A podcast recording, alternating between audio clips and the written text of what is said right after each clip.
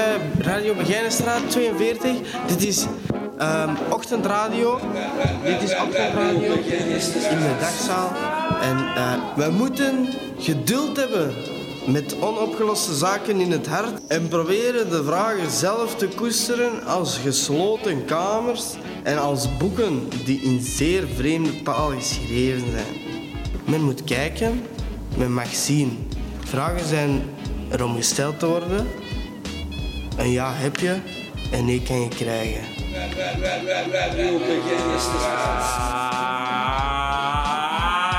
Welkom bij Radio Begijnenstraat. Men moet geduld hebben met onopgeloste zaken in het hart en proberen de vragen zelf te koesteren als gesloten kamers en als boeken die in een zeer vreemde taal geschreven zijn. Men moet de tijd zijn eindeloze uren laten passeren. Men mag in vrede zijn met de mysteries van het hart. Vragen zijn als onbeantwoorde antwoorden in een zee en zwemmen als stenen in het water. Want de zwaarte van de zee neemt het onbegrip mee. Dus observeer en wees gedwee. Men moet geduld hebben met onopgeloste zaken in het hart en proberen de vragen zelfs te koesteren. Als gesloten kamers en als boeken die in een zeer vreemde taal geschreven zijn. Welkom in de Begijnenstraat 41. Uh, oei, 42. Ja, vreselijk menselijk. We bevinden ons hier in de psychiatrische afdeling van de gevangenis uh, te Antwerpen. Het is uh, vier voor elf. En ja, ja, men moet geduld hebben met onopgeloste zaken in het hart en proberen de vragen zelf te koesteren. Als gesloten kamers en als boeken die in een zeer vreemde taal geschreven zijn. Men moet hoop nemen. Men mag mensen missen. Vragen zijn onbeantwoord en stil. En niet meer zoals nu of later. Sommigen gaan te ver, want iedereen vergaat.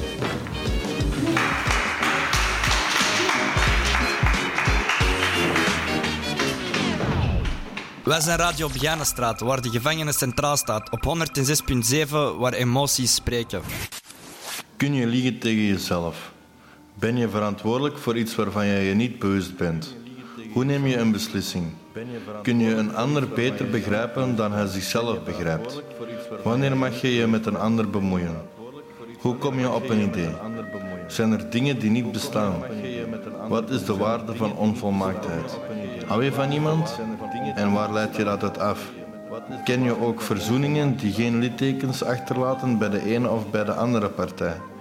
Had je uit jezelf het huwelijk uitgevonden? Wat bewonder je aan vrouwen? Wat bewonder je aan mannen? Hoe zou je leven eruit zien indien je van het andere geslacht was? Zou je je werk blijven doen indien je er veel minder zou mee verdienen? Hoe oud zou je willen worden? Waarom? Gesteld dat jij nooit iemand hebt omgebracht. Gesteld dat jij nooit iemand hebt omgebracht. Hoe verklaar je dat het nooit zo ver is gekomen? Waar ben je banger voor? Voor de mening van een vriend of voor de mening van vijanden? Verandert iets door er naar te kijken? Is er altijd perspectief? Wat is het belang van een naam? Zijn er rechtvaardige ongelijkheden? Kun je liegen tegen jezelf? Ben je verantwoordelijk voor iets waarvan je je niet bewust bent? Kan muziek iets communiceren? Hoe neem je een beslissing? Zijn verlangens te scholen? Is vrijheid te verenigen met burgerschap? Verdraagt deskundigheid zich met democratie? Kun je iemand opvoeden tot zelfstandigheid? Heeft iedereen iemand nodig die hij als meester beschouwt. Dus kwaliteit te herkennen in iets nieuws. Kan liefde zondig zijn? Als je verandert, word je dan iemand anders. Wat is de waarde van conventies? Kan iets tegelijk waar en onwaar zijn? Wanneer mag je je met een ander bemoeien? Zijn er dingen die niet bestaan? Wat is de waarde van onvolmaaktheid? Wat is de waarde van onvolmaaktheid? Wat is de waarde van onvolmaaktheid?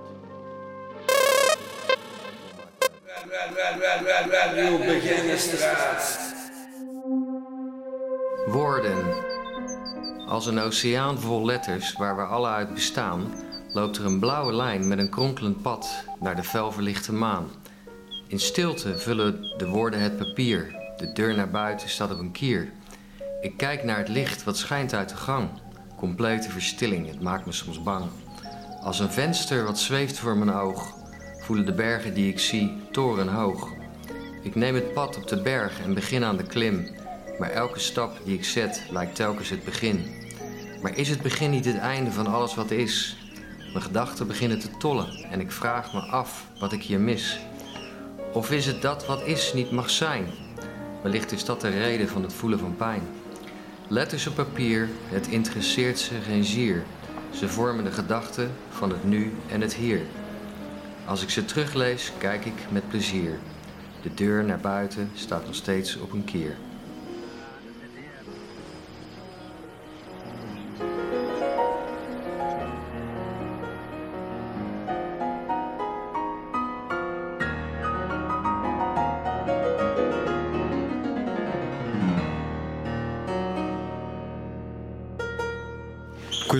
Welkom in Beganestraat. Uh, Peter, alles in orde? Alles in orde met mij, met jou ook hoop? Fijn om te horen. Het is vandaag eigenlijk voor een enquête om te zien wat hou je van iemand en waar laat je het uit af. Misschien een eerste simpele vraag voor jou. Uh, wanneer merk je dat je op een vrouw valt? Ja, dat is een hele goede vraag. Uh, wanneer je aan het denkt en wanneer je met haar bezig bent en wanneer je ze aantrekkelijk vindt. Ja, ik denk dat dat vooral wel belangrijke dingen zijn. Je, ja, ja, klopt, ja. En uh, hoe, als u naar een vrouw stapt, uh, hoe benadert u ze? Gewoon de directe aanpak, de harde ruiger shit of... Uh... Ja, meestal met, kennen we elkaar niet ergens van. Gewoon een standaard openingszin. Dat werkt altijd goed, weet je. Ah, zo, oké. Okay. Dat is mooi. ja, dan heb ik verder geen vragen niet meer. Fijne dag nog. Dankjewel.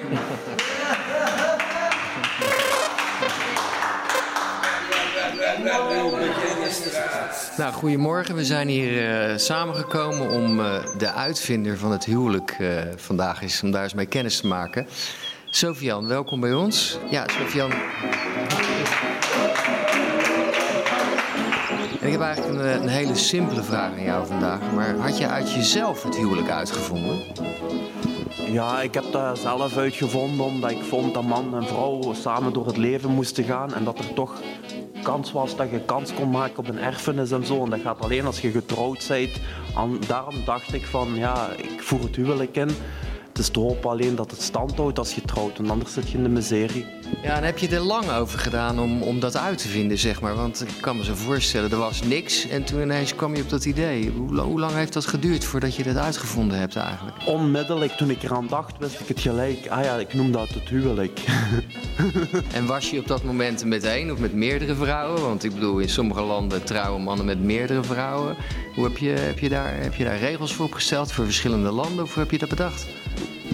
Ja, je mocht, je mocht trouwen met meerdere vrouwen in onze cultuur.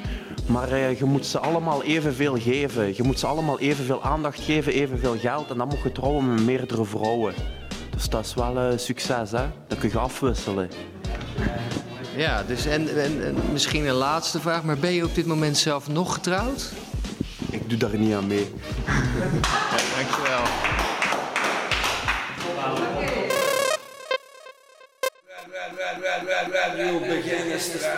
Wanneer mag je je met een ander bemoeien? Um, ik bemoei me eigen soms nogal veel. Dus uh, dat is voor mij wel een vraag die daar vaak in mijn hoofd zit. Van mag ik mij hiermee bemoeien, ja of nee? En uh, meestal is het nee. Als mijn moeder en mijn stiefvader in, in, in conversatie zijn en ik kom daartussen en dan wordt ons mama boos omdat ik een vraag stel die dat, waar dat zij zelf het antwoord nog niet op weet. En dan noemt ze dat ook bemoeien. Mijn moeder noemt me heel vaak een bemoeien. Like over mijn kleine zusje. In het begin mochten wij helpen en zo. Maar nu dat ze vier, alleen nu is ze ondertussen al vijf jaar, mogen wij daar niet meer, mogen niks, niks bemoeien. Hè, want anders krijgen we van, van ons ma of van de Jenny naar de kloten. Hè.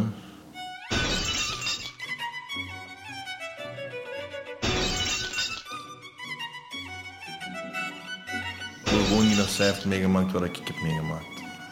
Ja, gewoon, ik weet wat ik, wat ik heb meegemaakt vroeger. Dat wij in een OCMW-huis hebben moeten leven. Dat mijn moeder elke dag moest gaan werken met de brommer, want ze had geen auto. Voor ons, voor ons eten te kunnen geven. Maar was dat we drie, drie keer per dag boterhammen hadden. En uh, ik wil gewoon niet dat dat voor mijn kleine zusje ook gebeurt. Ik wil niet dat die zo moet leven. Want we hebben zo heel lang moeten leven. En dat is niet fijn. Dus ook niet dat zij geslagen wordt zoals ik, zoals ik geslagen ben, maar dat gaat niet meer gebeuren. Mijn moeder voelt er eigenlijk veel beter. Mijn stiefvader laat dat ook niet toe. dat ze geen een van beide haar. Oké, die slagen wel eens op haar poep. Dat doen ze wel. Als ik me eigen dat mooi van te zeggen van waarom slaag die die nou? Dan zeg je van je moet weg niet moeien, die heeft dat verdiend. Ofwel ging mijn moeder en mijn stiefvader scheiden in augustus, ofwel moest ik vertrekken. Dan heb ik gekozen om te vertrekken. Ik heb de keuze voor mijn moeder gemaakt, want ik kon niet kiezen tussen haar zoon en mijn stiefvader dan. En heb ik gezegd van kijk, gaan we naar de psychiatrie. Dan ben ik naar de psychiatrie gegaan. Want uit de psychiatrie heb ik drie maanden daarna op straat geleefd. En dan ja, ben ik uh, opgepakt en naar hier gebracht. Omdat ik veel geslagen ben geweest, dacht ik van kijk, ik ben geslagen geweest. Dus als iemand anders iets doet wat ik niet wil, dan mag ik dat ook doen. Snap je wat ik wil zeggen? Dus dat is eigenlijk een beetje mijn, mijn, opvoeding geweest, slagen. Ik weet wel beter dat ik niet bij het minste dat mensen verkeerd doen ja, moet beginnen uithalen of zo. Maar als ze mij eerst slaan, dan sla ik gewoon terug. En dan blijf ik slagen totdat ze niet meer recht komen. Dat is nog maar twee keer gebeurd in mijn leven. Eén keer op een feestje dat ze mijn ex-vriendin, toen hij zwanger was, hebben geslagen. En uh, die bloeide uit haar neus en zo. En uh, toen ben ik gewoon beginnen terugslagen. Mal, Tongeren, Everberg. En dan zo dagcentrums, gelijk de Schommel en de Schans in Turnhout. OOC, het Kruispunt in Beersen. UKIA, OPZ Geel.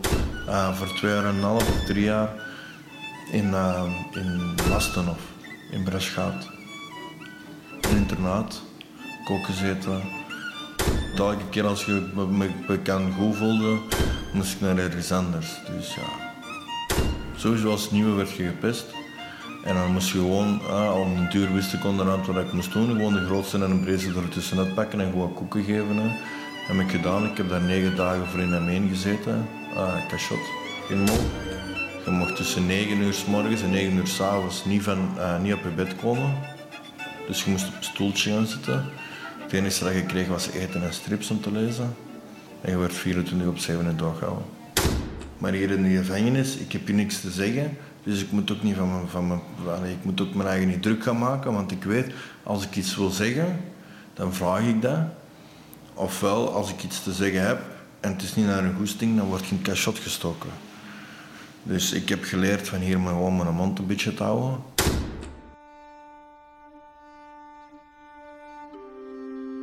Wanneer mag je je met een ander bemoeien? Je mag je met een ander bemoeien als die persoon een zwakker persoon is. Als, als dat een persoon is die minder bedeeld is, zoals een klein kind of uh, een gehandicapt persoon en die wordt gepest of zo, dan mag je daarvoor opkomen.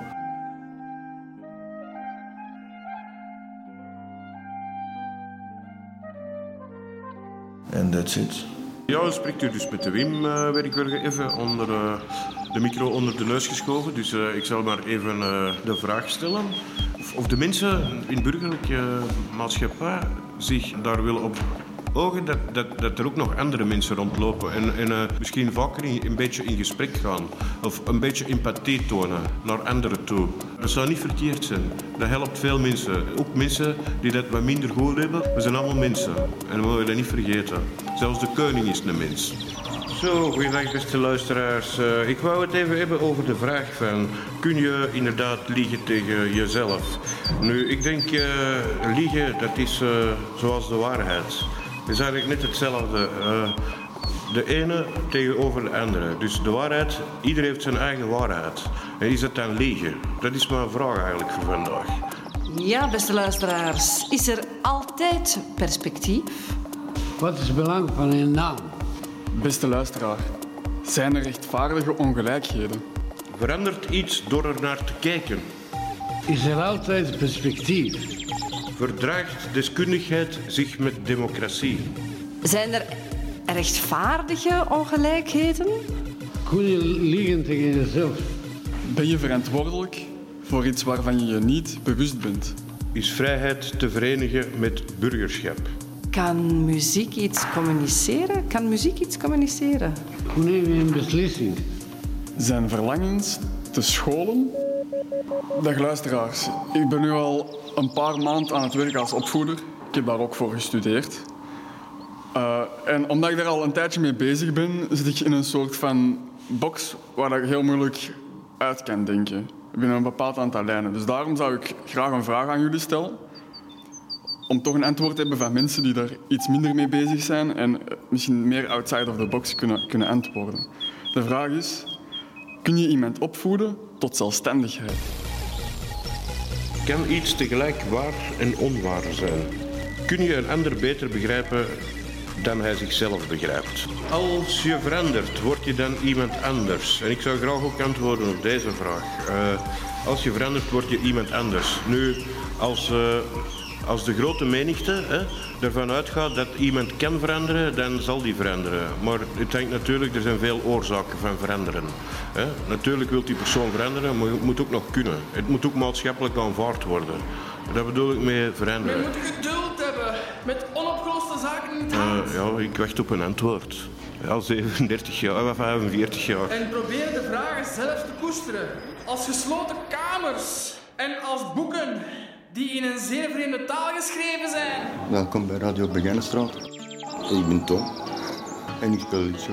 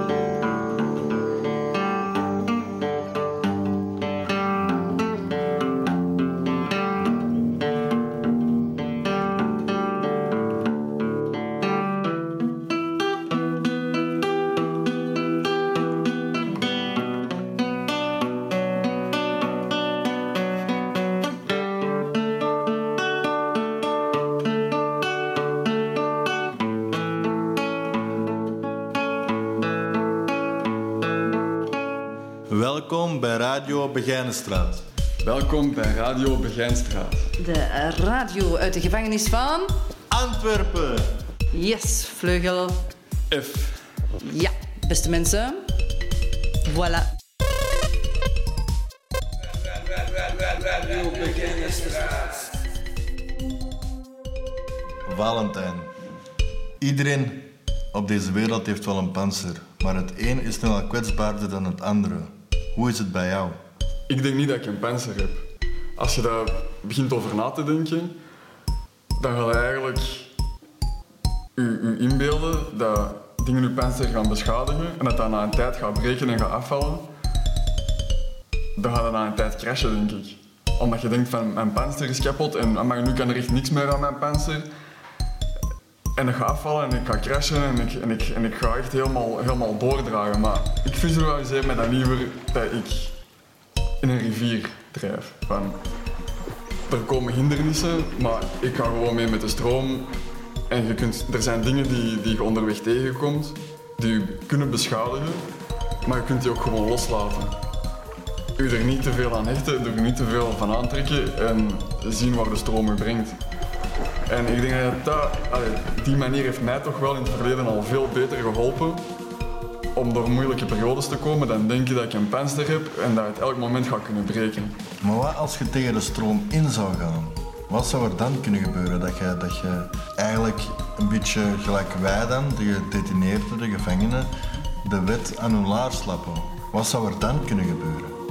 Ja, ik denk als je tegen de stroom ingaat en als je dat vergelijkt met tegen de wet ingaan, je kunt dat doen, maar net zoals bij een rivier gaat dat gewoon heel zwaar zijn om te doen en gaat je dat niet kunnen volhouden. Dus na een tijdje word je er moe van en heeft de stroom je toch gewoon mee. Oké, zo had ik het nog, niet- bekeken. Ehm, ik denk dat ik wel een panzer heb, omdat ik, ik, ik incasseer wel heel veel. Dat panzer dat breekt af en toe bij mij. En dat komt ook omdat ik mij kwetsbaar opstel. En allee, bij, mijn, bij mijn gevoel is, als ik mij kwetsbaar opstel en ik word bedrogen, zal ik maar zeggen, mijn, mijn, mijn vertrouwen wordt beschaamd of zo, dan breekt er iets in mij. En dan breekt er ook een stukje van dat panzer af, vind ik. En dan ben ik weer meer kwetsbaarder. Een panzer dat groeit niet terug. Dat breekt, dat breekt af in stukjes en beetjes. Bij mij dat natuurlijk al voorgevallen geweest dat ik bedrogen ben geweest, dat ik gekwetst ben geweest. En daarom visualiseer ik mij eigenlijk een panzer, omdat ik iets eigenlijk een soort van tastbaars wil als bescherming. Want als ik geen bescherming zou hebben, zou ik me nog kwetsbaarder opstellen en dan zou het nog erger gaan met mij. Wat is er dan, of, of wat heb je dan dat zodanig beschermd moet worden en tegen wat moet het beschermd worden?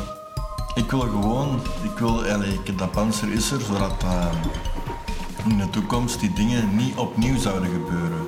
Gekwetst worden, dat doet heel veel pijn. Eh, bedrogen worden doet heel veel pijn. Dus ik wil eigenlijk die pijn niet meer voelen. Ik wil eigenlijk een soort van bescherming, dat die pijn veel minder wordt, of dat die pijn er zelfs niet meer gaat zijn in de toekomst. Maar ik mag dat panzer ook niet mijn leven laten leiden. Want als ik dat panzer mijn leven laat leiden, dan kan ik geen emoties meer tonen. Dan kan ik geen ehm, liefde meer tonen. Dan kan ik zeker ook niets meer incasseren van liefde of emoties. Dan zou ik alles afblokken zoals een robot en dat is ook niet goed. Ja, nu, nu versta ik het wel, inderdaad. En ik denk dat ook wel ergens ook heel iets menselijk is om te doen. Om daarover na te denken en een soort van manier te vinden van hoe dat je met je, met je moet omgaan, zou ik maar zeggen. Ja, ik denk als je, als je met mensen omgaat, wat op zich al onvermijdelijk is, is het ook onvermijdbaar dat je op een gegeven moment gekwetst gaat worden. Niet dat je dat altijd kunt zien aankomen, maar je kunt wel verwachten dat het op eender welk moment kan gebeuren. Wat mij wel heeft geholpen is de gedachte van eigenlijk kan niks je kwetsen, want niks kan je karakter kwetsen. Niks kan het raken de manier waarop dat jij je problemen aanpakt. En dat is hoe dat jij bent. Dus eigenlijk kan niks je kwetsen. Dank u wel voor uw bijdrage aan deze interview. Het was me een eer, Jordi.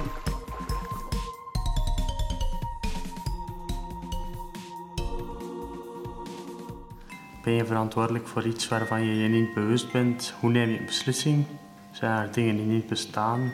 Wat is de waarde van onvolmaaktheid? Hou je van iemand en waar luid je dat uit af? Ken je ook verzoeningen die geen littekens achterlaten bij de ene of bij de andere partij? Wat bewonder je aan mannen?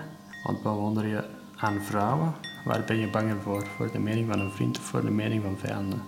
Kun je een ander beter begrijpen dan hij zichzelf begrijpt? is gewoon bij mij wel een toepassing. Ook gewoon de dingen die ik soms doe, eh, alleen die dan fout zijn, dat ik dat niet begrijp ehm, waarom ik dat doe. Maar op die moment zelf, dat is zo alsof iets mij eh, overneemt of zo. Achteraf, ik, ja, dat, dat valt moeilijk te begrijpen, hè, omdat dat fout is. En dat valt ook niet goed te praten, maar ik begrijp waarom ik dat heb gedaan toen. Ik, ik kan dat wel begrijpen, maar meer dan dat ook niet. Ik, kan, ik weet ook niet waarom. Ik begrijp gewoon waarom, maar allee, het echte waarom niet. Dat is fout, hè. En ik kon hier ook niet... Allee, ik kan wel zeggen, ik heb foute dingen gedaan, daarom zit ik hier, maar als ik dat niet had gedaan, ja, kan vaak mijn gevoelens gewoon niet begrijpen. Ik ben ook al vaker echt suicidaal geweest. Ja, ik, uh, ik kan dat nog altijd niet plaatsen. Ik heb niet zo heel veel zelfvertrouwen. Hè. Ik heb recent nog een uh, zelfmoordpoging gedaan. Ik ben heel fragiel. Dat geeft nog geen excuus om de dingen die ik daarna heb gedaan goed te praten. Dus ik hoop dat ik rap geholpen word. Normaal, uh, ik hoop dat ik niet geïnterneerd word, maar ja, we zien wel. Ik zit te wachten op een opname om uh, mijn problemen aan te pakken. Allee, problemen die ik heb veroorzaakt. Intussen huist het al zo lang in mijn hoofd en al bijna overal. Maar, maar wie ze is. Maar wie ze is. Een zinloze vraag. Je zoekt in je herinneringen naar iets onvoorstelbaars. Ik weet het, maar ook zinloze vragen vragen een antwoord. Eigenlijk is er nog steeds die jonge vrouw die ik ooit toevallig ergens tegenkwam. Maar wie ze is, in mijn hoofd, vind ik haar niet terug. Er zijn momenten dat ik ineens weer weet dat de mens eenzaam is. Ook ik. Dat ik naar haar kijk en denk, zij daar, daar is ze. Zo zichtbaar, zo sterfelijk. Er zijn momenten dat ik ineens weer weet dat de mens eenzaam is. Wij zijn Radio Vianenstraat, waar de gevangenis centraal staat. Op 106.7, waar emoties spreken. Verandert iets door er naar te kijken? Is er altijd perspectief? Kan muziek iets communiceren? Wat is het belang van een naam? Zijn er rechtvaardige ongelijkheden? Kun je liegen tegen jezelf? Ben je verantwoordelijk voor iets waarvan je je niet bewust bent? Zijn verlangens te scholen? Wat is een mens met beschaving? Is vrijheid te verenigen met burgerschap? Verdraagt deskundigheid zich met democratie? Kun je iemand opvoeden tot zelfstandigheid? Heeft iedereen iemand nodig die hij als meester beschouwt? Kan liefde zondig zijn? Als je verandert, word je dan iemand anders? Wat is de waarde van conventies? Kan iets tegelijk waar en onwaar zijn? Wanneer mag je je met een ander bemoeien? Kun je een ander beter begrijpen dan hij zichzelf begrijpt? Ik denk dat wel. Omdat, ik praat ook met Nelle dan, de psychologe. Zij weet dingen van mij waarvan ik zelf zeg van, dat is waar eigenlijk. En, dat is wel straf, want die, want Nelle kent me hier nog, nog maar een jaar uiteindelijk. Dat is wel straf, want het is ook maar één keer per week dat we spreken. En allee, dat, dat Nelle dan... Ja, ik vind dat wel straf. Ik denk een soort van... Uh, je hebt geen spiegel, hè, continu voor u.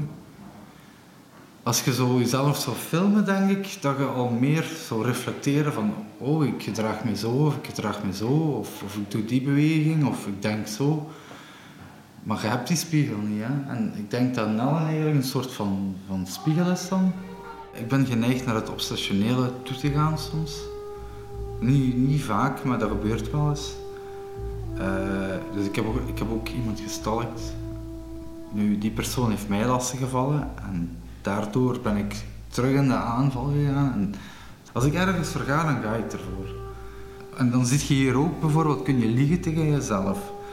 En dan had ik ook zoiets van, ik denk dat echt wel, want uh, ik heb de meisje dus echt lastig gevallen. Ik heb die ook lastig gevallen. En ik ontkende dat eigenlijk, want mijn verdediging was altijd van, zij heeft mij lastig gevallen. Het was zo precies alsof zij, hoe moet je dat zeggen, me gedwongen heeft voor haar terug lastig te vallen, want ik was het zo beu eigenlijk. Maar uiteindelijk heeft hij toch een, een, een kraakpunt bereikt bij mij, dat ik zelf zoiets had van, man mens, nu ga ik je eens terugpesten. Hè? En dat mag niet. En ik breng dan iedere keer, of sinds een hele lange tijd heb ik dat volgehouden van, ja maar het is zij dat mij heeft lastiggevallen. En zij dat dat gedaan heeft en dit en dat en dit en dat. Terwijl ik eigenlijk voor mijn eigen dan ik, tot groot inzicht uiteindelijk gekomen ben van uh, het maakt eigenlijk niet uit wat zij heeft gedaan, dit is mijn gedrag. Mijn eerste vraag hier in de gevangenis, mijn eerste rapportbriefje was, ik wil het begrijpen waarom ik opgesloten word. En dat heeft heel lang geduurd. Dat heeft echt heel lang geduurd. Maar ik heb uiteindelijk toch een, een echt groot inzicht gekregen van, tju, ja oké, ik snap het. Want mijn advocaat zei ook tegen mij van, Christophe, jij hebt nu iets bereikt waar sommige jaren over doen blijkbaar. Voor de toekomst gaat me dat wel helpen, denk ik. Dat ik meer naar mijn eigen gedrag ga kijken en niet zo van, oh, een excuus gebruiken, ja maar die, ja maar die, ja maar die. Dat ik nu eigenlijk ja, een soort van inzicht heb gekregen van, het maakt niet uit welk excuus dan ook, het zit jij. Je hebt zo die schutters die in scholen gaan kinderen doodschieten eigenlijk, omdat ze gepest geweest zijn. En die voelen hun dan slachtoffer, want ze zijn gepest geweest. En dan denken die, oh ik heb het recht voor kinderen neer te schieten. Terwijl dat eigenlijk totaal niet zo is. Dat is geen excuus. Hè. Het is niet omdat je iets hebt meegemaakt dat je het excuus hebt of het recht hebt van iemand anders iets terug aan te doen. Of kun je een ander beter begrijpen dan hij zichzelf begrijpt. Uh, dus ik denk sowieso de interesse moet er zijn, de wil om iemand te leren kennen. Als psycholoog heb je automatisch interesse in iemand. Wilt je iemand een beetje doorgronden? En voor die persoon zelf ook openstaan voor feedback hè, over je eigen. Ik denk dat je daar moet voor openstaan, want ja, als je daar niet voor openstaat voor negatieve commentaar over je eigen te krijgen, dan dat, is een, dat zou zonde zijn, hè, want het zijn eigen, eigenlijk levenslessen wat je voor je eigen leert. Hè. Dus dat is ook zeer leuk ergens en daar kun je door groeien en allee, toch wel belangrijk vind ik. Niemand is perfect ook, hè, dus ik vind dat we zijn allemaal mensen. Je moet zowel de positieve als de negatieve dingen omarmen en proberen die negatieve dingen iets positiefs te maken. Hè. Ja, ik, moet ervan leren.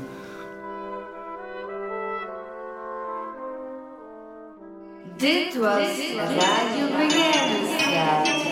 Nog een goede avond of goede. Dag.